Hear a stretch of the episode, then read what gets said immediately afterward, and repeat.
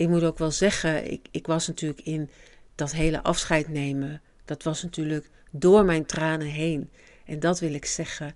De focus op het positieve hebben betekent niet dat ik niet mijn intense verdriet voelde. Maar het was licht en te dragen. Het was, het was iets wat bij elkaar hoorde. Dat, dat intense verdriet, de tranen die over mijn wangen stroomden en de muziek en, en haar hand die ik vasthield. En het was allemaal één geheel. Ik was daar in alles wat er was. Maar ik bleef in alles die levensvreugde ervaren, dat licht zien, dat die verbinding voelen. Je bent niet alleen. Je bent verbonden met elk deel van dit prachtige leven waarin het goddelijke zich beweegt door jou. Als jou. Jij bent die vonk van leven die zichzelf ervaart in de uitdagingen en mogelijkheden van het leven. Diep in jouw ziel ligt die vonk verborgen, wachtend tot jij hem binnenlaat.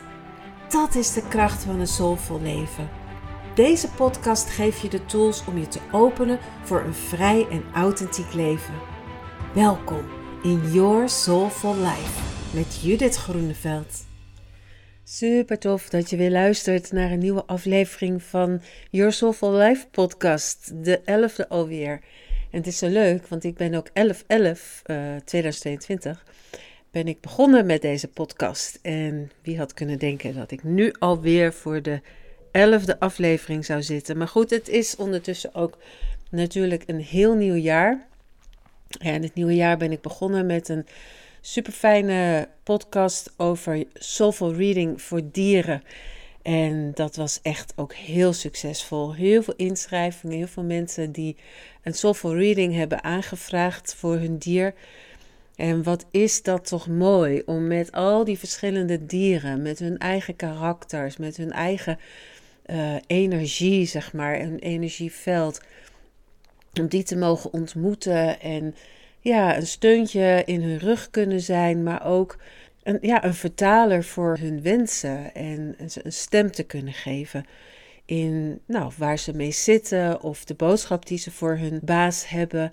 Het is uiteenlopend van dieren die overleden zijn, waar nou, hun baasjes graag nog even contact mee willen en die meestal een hele mooie boodschap achterlaten.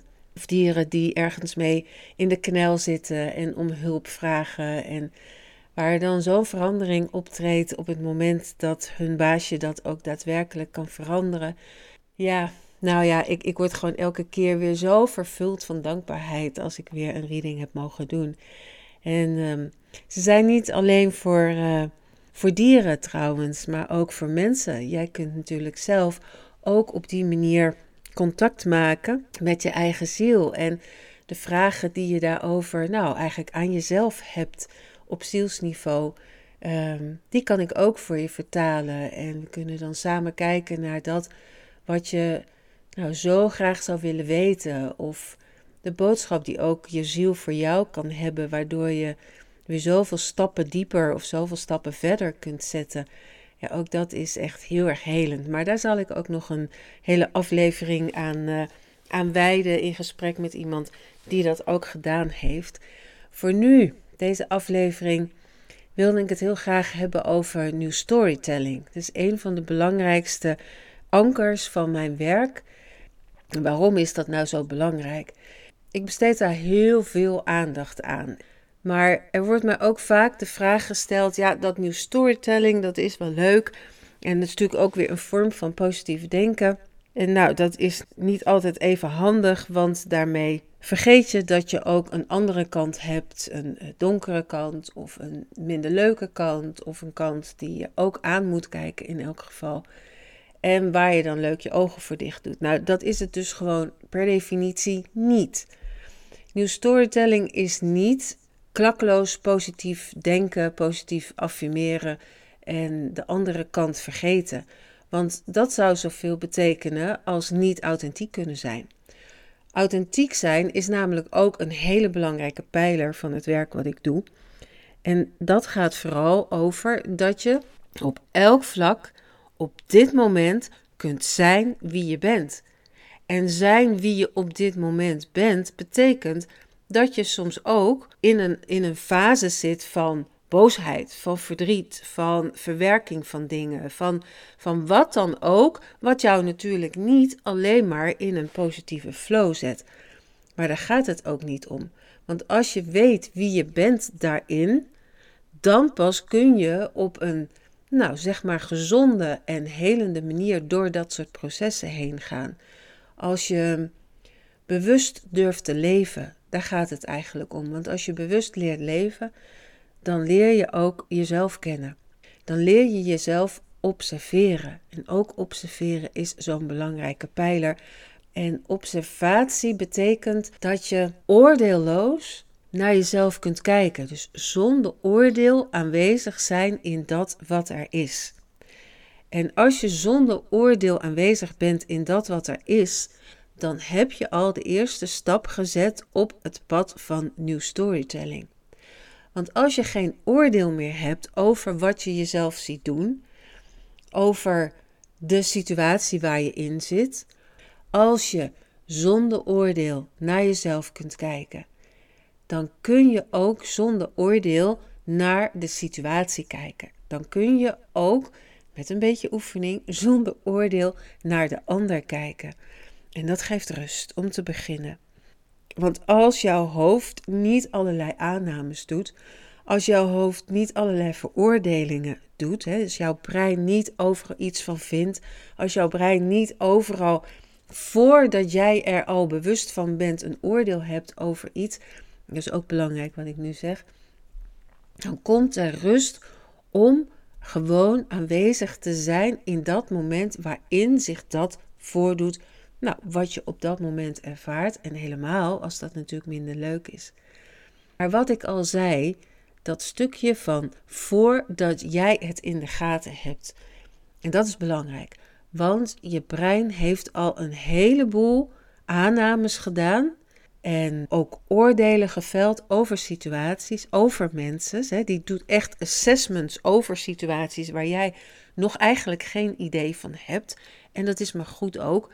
Want op bepaalde momenten heb je dat ook heel hard nodig. Stel dat je nou auto rijdt, je kent dat wel, dat je soms helemaal, nou eigenlijk zo in gedachten verzonken bent dat je niet goed oplet en dat je denkt: Goh, ik heb eigenlijk helemaal niet goed gezien waar ik reed, maar ik ben er toch gekomen. Nou, dat is ons onbewuste, wat wel alle situaties in de gaten houdt en reken maar als het nodig was geweest onderweg, dan had hij jou gewaarschuwd en was je je acuut bewust geworden van een situatie waar jij op dat moment alert op in moest grijpen. Dus zo zorgt jouw brein en jouw onbewuste, wat ook onderdeel is van dat brein, zorgt eigenlijk heel goed voor jou. Maar dan gebeurt het dus ook dat er ook assessments worden gemaakt over situaties waar jij nou net wel graag invloed op uit wilt oefenen. Door leren bewust te observeren, kun je dit soort situaties naar boven halen. Doordat je je brein eigenlijk gaat trainen om die situaties altijd belangrijk te maken. Dus altijd door te sluizen naar jouw bewustzijn. Dat is ook weer een heel proces. Daar ga ik ook ongetwijfeld nog veel meer over vertellen. Maar ik wil nu even terug naar het nieuw storytelling. Want wat heeft dat daar nu mee te maken? Nu, storytelling is eigenlijk het verleggen van je focus naar dat wat wel werkt. Naar dat wat er in een situatie een positieve, en daar komt hij toch, dat woord positief, een positieve insteek heeft. Of een stukje licht brengt, of een stukje inzicht brengt. Dat waardoor je weer verder kunt, waardoor je jezelf in een spiraal kunt zetten om op de meest helende manier door bepaalde situaties heen te gaan. Als je met elkaar in gesprek bent, moet je maar eens opletten. Dan denk ik dat je dat ik haast wel durf te zeggen dat je 90% van de tijd met elkaar spreekt over situaties waar je een behoorlijke negatieve mening over hebt. Dat kan gaan over nou, jezelf. Denk maar eens, hoe spreek ik me uit over mijn lichaam bijvoorbeeld? Hoe vaak ben ik daar positief over? Of over je werk. Daar kun je natuurlijk heel enthousiast en positief over zijn. Maar vaak onder elkaar zijn er ook heel veel dingen te bespreken die eigenlijk niet zo fijn waren of waar je tegenaan loopt. Dan is dat niet erg, maar let maar eens op hoe je dan met elkaar in zo'n spiraal gaat van oh ja, dat ken ik ook en oh ja, dat was toen ook en oh ja, dat zie je daar ook terug. En voor je het weet heb je het zelfs ook over andere mensen die hun werk op een bepaalde manier doen, waar toch eigenlijk niet zoveel aan deugt. Dat zijn hele, nou eigenlijk normale gespreksonderwerpen, helaas. En zo gaat dat natuurlijk verder als het uh, gaat over nou, situaties die lastig zijn überhaupt in je omgeving we hebben natuurlijk de hele COVID-periode achter de rug. Daar zijn natuurlijk wel wat aannames en ideeën over uh, geweest als je met elkaar daarover in gesprek was. Waarin ik steeds meer zag, ook op de socials, hoe daar die polarisatie optrad, waar mensen op elkaar afgaven en een mening hadden over de mate van spiritualiteit van de ander. En dat is natuurlijk sorry dat ik het zeg, maar een mindfuck ten top. Dat is niet meer die plek waar je naartoe gaat, de ruimte zoals ik het altijd noem, waar je in jezelf naartoe gaat om ook observerend, zonder oordeel aanwezig te kunnen zijn in dat wat er is. En een situatie zich bijvoorbeeld gewoon laten uitspelen en kijken wat er uitkomt. Maar hoe je dat nou kunt helpen, is door zeker over dat soort situaties op een andere manier te leren spreken. Om te kijken wat erin wel werkt, wat daarin wel fijn is, wat daarin wel verbindend is. Hoe je, ook als het uitzichtloos is, toch nieuwe mogelijkheden kunt vinden. Ik heb dat eigenlijk het meest ervaren met het overlijden van mijn eigen dochter. Ik was nog heel erg jong en ja, dan word je ineens in een situatie geplaatst waarin het leven nou, zich nog zo nieuw en fris aan je voordoet. En dan verlies je je eigen dochter. En dat was natuurlijk heel erg pittig, maar om een of andere manier, du moment dat ik samen met haar die reis ging, gebeurde er iets waar ik in een, in een soort, nou, als ik het dan over die ruimte heb, waarin ik in een andere ruimte werd geplaatst. Ik was natuurlijk alleen maar bezig met dat. Het was elf dagen lang heb ik ja, in een soort kokon geleefd waarmee zij, of waarin zij mij eigenlijk meenam in een ruimte waarin ik dingen ineens anders ging zien. Ik was nog helemaal niet met dit soort werk bezig of, of met dit soort dingen. Het was compleet nieuw voor mij. Het enige wat er gebeurde is dat ik open was en dat ik bereid was om haar compleet te vertrouwen. En in dat vertrouwen kon zij mij in die zielsruimte brengen waar ik zo open was in wat ik zou moeten gaan ervaren of wat ik dat was wat zich steeds meer naar het hier en nu bewoog. Dat ik niet meer bezig was met wat moet er allemaal gaan gebeuren. Die vragen waren er natuurlijk wel. Er moest een open hartoperatie en er waren natuurlijk heel veel medische besluiten ook te nemen en onwijs veel gesprekken met artsen. En toch, midden in dat alles, ging ik steeds verder naar binnen en voelde ik steeds meer in het hier en nu wat er wel of niet moest gebeuren of welk volgende besluit er genomen. En dat wist ik vaak al voordat het besluit überhaupt genomen werd. En zij nam mij mee die ruimte in en leerde mij daar om in het moment aanwezig te zijn en te zoeken naar, ja, schiet me nu te binnen. Wat, wat zij mij eigenlijk leerde was om te zoeken naar de vreugde van het leven, de stroom van het leven, die onvoorwaardelijke liefde. En ik denk dat we allemaal best wel eens momenten hebben meegemaakt in ons leven waarin we dat ook hebben ervaren. En wat ik gedaan heb, um, nou, ik wil daar nog wel iets over zeggen trouwens.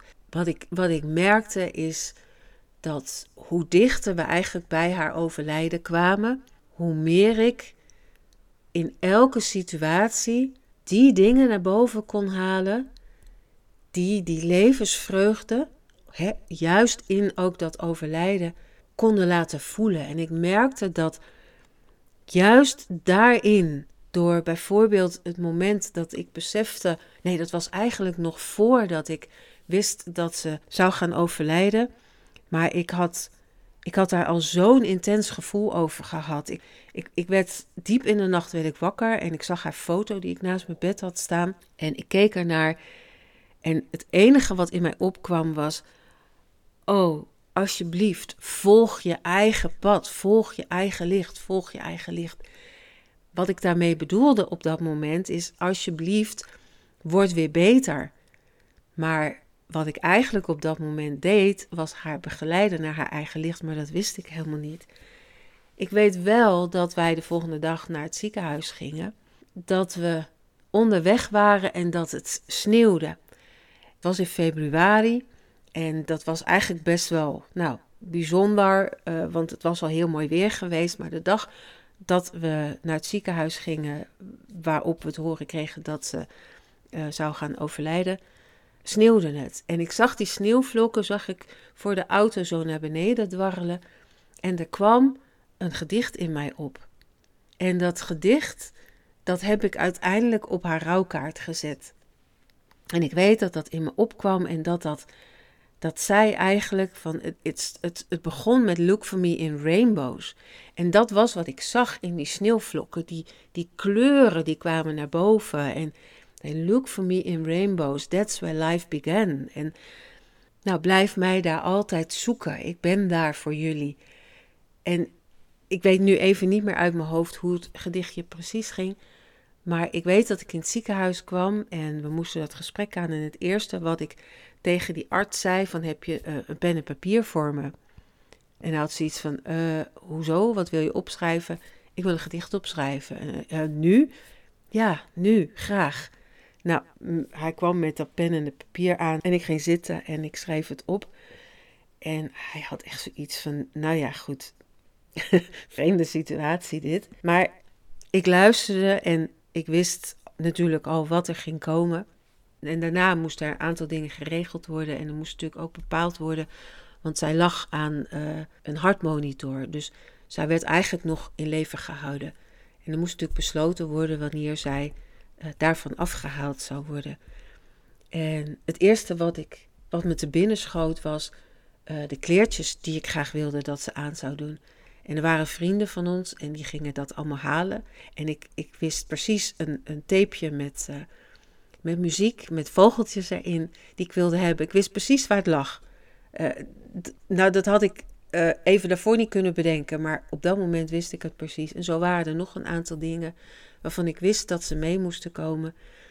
En in dat hele, in, in die avond die volgde, duurde tot tien uur s avonds, ben ik alleen maar daarin gegaan. In dat hele gevoel met haar afscheid nemen in dat licht. Met die muziek van die vogeltjes op de achtergrond. Met uh, tegen haar praten. Met haar kleine handjes vasthouden ik was zo in die verbinding met haar daar, dat we samen naar dat moment toe groeiden dat zij ook daadwerkelijk de aarde of haar lijf los wilde laten. En dat voelde voor mij alsof er achter aan mijn nek getrokken werd, zeg maar zo, zo hard, haast zo aan mijn, mijn ruggengraat werd er een soort van alsof ik achteruit werd getrokken. En ik wist meteen dat het voor haar een signaal was dat ze bereid was of dat ze klaar was om, om haar lichaam los te laten.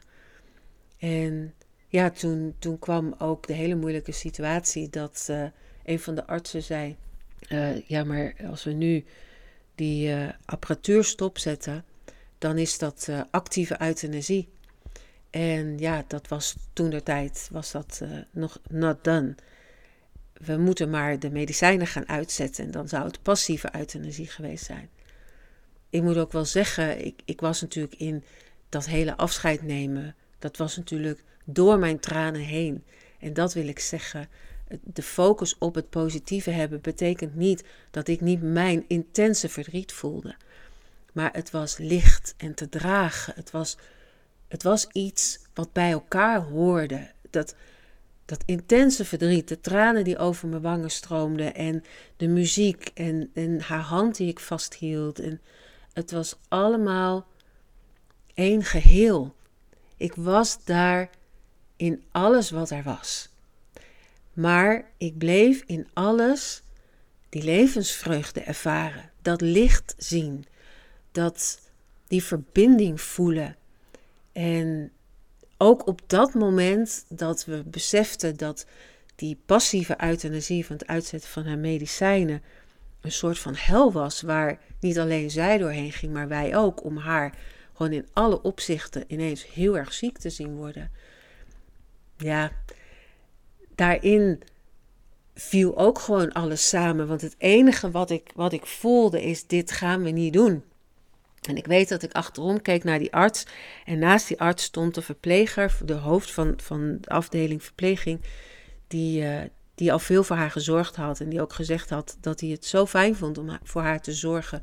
Omdat ze zoveel warmte en liefde uitstraalde. Terwijl, nou ja, ze deed, ze deed eigenlijk gewoon helemaal niks. Behalve af en toe uh, kijken. En hij zag mijn blik en hij zegt: Dit gaan we niet doen. Precies dat wat ik voelde. Hij zegt: Dit gaan we niet doen. Hij zegt: Dan maar actieve euthanasie, ik neem de verantwoordelijkheid. En hij heeft uh, haar opgepakt en aan ons gegeven. En toen heeft hij gewoon de apparatuur uitgezet. En, en ja, toen was het natuurlijk gewoon ook heel snel gebeurd. En ja, toen daarna, toen, toen heb ik haar helemaal zelf gewassen en lekker ook helemaal ingesmeerd en die leuke kleertjes aangedaan die ik, uh, waarvan ik meteen wist dat ze, dat ze die aan moest. Dat waren ja, kleertjes met ontzettend leuke kleurtjes. En dat voelde zo kloppend met wie zij was, met haar haar, met de donkere krulletjes. Ja, dat was heel erg mooi. En toen we uiteindelijk thuis kwamen, toen hadden we dat allebei ook wel gevoeld. Toen zeiden we ook tegen elkaar, want het is net alsof we van een mooi feest vandaan komen zo is het eigenlijk ook tijdens de periode daarna van het afscheid en de crematie. En ja, en ik ben daarna mezelf natuurlijk ook gewoon tegengekomen. Dat ik een paar maanden later op een ochtend wakker werd. En dat ik besefte, ze is er echt niet meer. En daar ook mijn verdriet in voelde. Maar wat zij mij daar geleerd had, was de basis van wat nu mijn nieuw storytelling is. Was de basis van dwars door alles heen en in de meest moeilijke situatie de liefde van het leven voelen. En ook de stroom en, ja, ik durf te zeggen, de, de vreugde van het leven. En die vreugde, dat is niet alleen maar plezier maken en lol hebben en, en uh, freewheelen. Die vreugde van het leven gaat zoveel dieper. Die is zo echt, zo puur, zo. Ja, ik kan er niet eens woorden voor vinden. Dat, dat is een, een vreugde die, die je totaal vervult en waarin alles er mag zijn. Weet je, waarin, nou, dat alles er mag zijn, dat, dat is eigenlijk ook zo'n woord waar ik af en toe uh, denk van, nou, dat mag. Alles is er. Alles is er.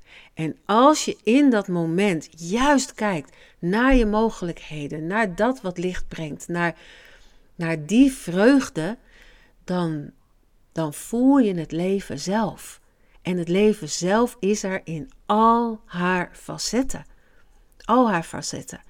En dat maakt dan dat die facetten waar we zo vaak in kunnen verdwijnen, die, die ons naar beneden halen, die ons in die spiraal van verdriet of boosheid of nou, drama ook brengen, hè, waar je het in je het steeds meer moet hebben over wat er is gebeurd, wat je is aangedaan, wat je bent verloren, wat, nou, al dat soort dingen.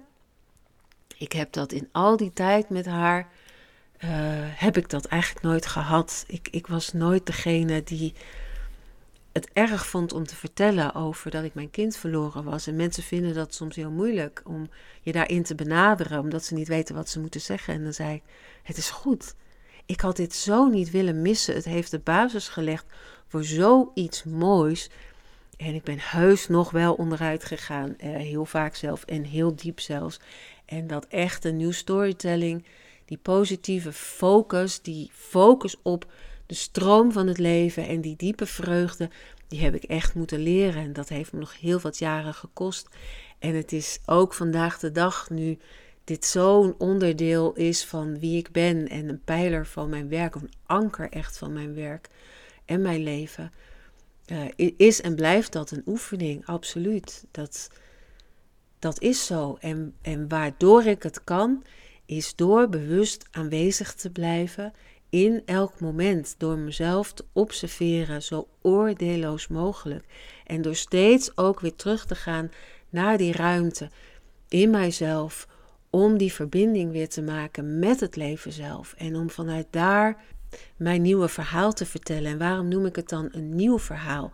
Is omdat ons brein meestal vastzit in een oud verhaal. Je kunt het ook een oud patroon noemen.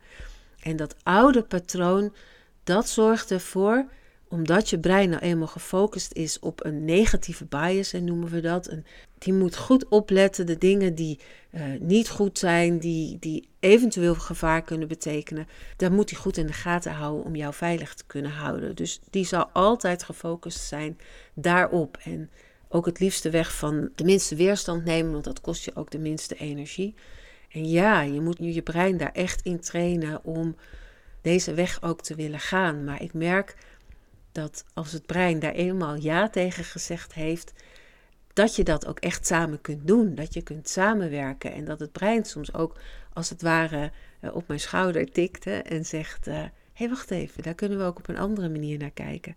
Dat is een enorm mooie oefening. En op het moment dat ik zelf in de situatie zit waarvoor ik voor mijn ouders mag zorgen, omdat mijn moeder niet alleen heel erg ziek is, maar ook, ook dementeert. En ik met haar ook in dat huidige moment beland waarin zij uh, nou haar verhaal überhaupt niet meer kan vertellen, maar wel in het moment met mij aanwezig kan zijn in die stroom van levensvreugde. En ik merk nu ik die weg ook voor haar mag openen, zij, zij kende die absoluut niet. Zij heeft echt een heel zwaar leven gehad en heeft absoluut altijd in die negatieve spiraal gezeten. En nu we dan samen mogen kijken naar hoe we in het moment die levensvreugde aan kunnen tippen. En dat ik zie dat ze me daar nu in vertrouwt. En ja, we samen daarin samen kunnen zijn, in die verbinding kunnen zijn. Dan ben ik zo dankbaar over dat ik dit heb mogen leren. En, en als natuurlijk het hele zorgen voor, ook voor mijn vader en het hier aanwezig zijn bij hun om, om te zorgen dat alles goed gaat lopen en, en ze nou, zo lang mogelijk met elkaar thuis kunnen blijven, grijpt dat me natuurlijk ook wel eens aan. En ben ik ook wel eens heel erg moe en zie ik het ook niet meer zitten. En dan zie ik dat ik me weer laat meeslepen door niet alleen mijn oude verhaal, maar ook die van de mensen om mij heen. Want dat is de grote valkuil, is dat als je met mensen gaat spreken of met mensen in dit soort situaties terechtkomt, dat je met z'n allen die negatieve bias van het brein volgt en dat het heel vaak een, uh, ja, een zware aangelegenheid wordt. Hè? Dat is ook wat mensen tegen me zeggen van ja, het is ook heel zwaar voor je en het vraagt ook heel erg veel van je. Ja, ja, en soms dan verdwijn ik daar even in en dan denk ik nee. Nee, het is voor nu belangrijk. Ja, ik voel dit. Ja, ik voel dat ik mijn grenzen aan moet geven. Dus dat ga ik doen. Ja, ik voel dat ik ook voor mijzelf moet zorgen. Dus dat ga ik doen. En dat bewaak ik dan zo goed en zo kwaad als dat gaat. Maar dat ik soms halverwege een verhaal met iemand of een gesprek met iemand stop. En dan zeg: Wacht even. Maar dit is er ook. Moet je horen. En dan ga ik vertellen over wat ik net ook verteld heb over hoe we het ook doen. En hoe we samen leren en groeien. En dan wordt het direct, ook voor de ander, zo'n ander gevoel. Want die ander voelt dan ook die stroom van het leven. En dat raakt dan die ander ook. Ja, als je daar ook krachtig genoeg in bent, dan merk je echt dat mensen met je meebewegen. En daarom zou ik ook zeggen: heb het lef om het ook gewoon te doen. Want ik weet best dat in situaties het heel erg lastig kan zijn om hè, zeg maar als enige ineens een ander, ander verhaal te beginnen of nou, het, richting het positieve te keren. Dat is niet altijd evident en wordt ook niet altijd je in dank afgenomen. En dat is ook waarom we het dan vaak niet durven. En denken van nou, hè, of, of je laat je meeslepen. Maar toch, als je dit doet en je doet het vanuit je hart en met zoveel kracht en niet alleen maar hè, dat positief denken en we moeten. nee, maar in alles. Het is in. Het, ik kan het niet, niet genoeg zeggen. Het is in de situatie. In die moeilijke contacten. In die pijn. In dat verdriet. In dat wat moeilijk is. Daar vind je die verbinding. Daar vind je die levensvreugde. En die is, die is zo diep, die, die gaat tot in het oneindige, zeg maar. Die, die komt ja, uit je ziel en, en uit, uit alles wat is. Omdat je ook in alles wat is dat terug kunt vinden. En daar, ja, daar ligt, daar is, daar is zoveel te winnen. Dat is zo'n zo'n mooi pad om, om te gaan bewandelen. En ik ben zo dankbaar dat ik daar mijn werk van heb mogen maken. En dat ik mensen mag helpen om dit in zichzelf te vinden. En ieder doet dat op zijn eigen manier. Maar ik kan deuren openen, ik kan tools geven. Ik kan laten zien hoe je in die ruimte terechtkomt. En hoe je je oude verhaal, je oude patronen kunt omvormen. En meer en meer en meer je kunt gaan focussen op die enorme kracht die er schuilt in dat nieuwe verhaal, waardoor je leven dus ook echt gewoon verandert. En niet je leven hier en nu, waarmee dus ook je toekomst verandert, maar ook je verleden verandert. Het verandert omdat je er anders over gaat spreken, omdat de dingen die je vroeger continu vertelde over wat je allemaal was aangedaan en wat je ouders zus en wat je familie zo of wat je, nou, hè, wie dan ook in je leven je heeft aangedaan, waarvan je ook heel terecht natuurlijk vaak boos en, en, en een slachtoffer was. En waarin je dan op, op een bepaald moment merkt dat je dat hebt vergeven. En waarom heb je het vergeven? Omdat het er niet meer toe doet wat de uitkomst is. Het doet er niet meer toe. Het hoeft niet meer veranderd te worden, omdat je in dat terug hebt gevonden wie jij bent, wie je wezenlijk bent. En dat is die stroom van leven, dat is dat licht, dat is die liefde. En als je dat hebt teruggevonden in die ervaring, al is hij nog alleen maar in je herinnering aanwezig, als je hem daar weer toe kunt laten, dan is het niet meer nodig om de situatie te veranderen. Dan is het niet meer nodig om de ander te veranderen. En dan is het niet meer nodig dat de ander jou zegt dat het hem spijt. Dan hoef je geen genoegdoening meer. En dat is waar vergeven over gaat. En dat is wat dat nieuwe verhaal vanzelf ook teweeg brengt, is dat je vergeeft.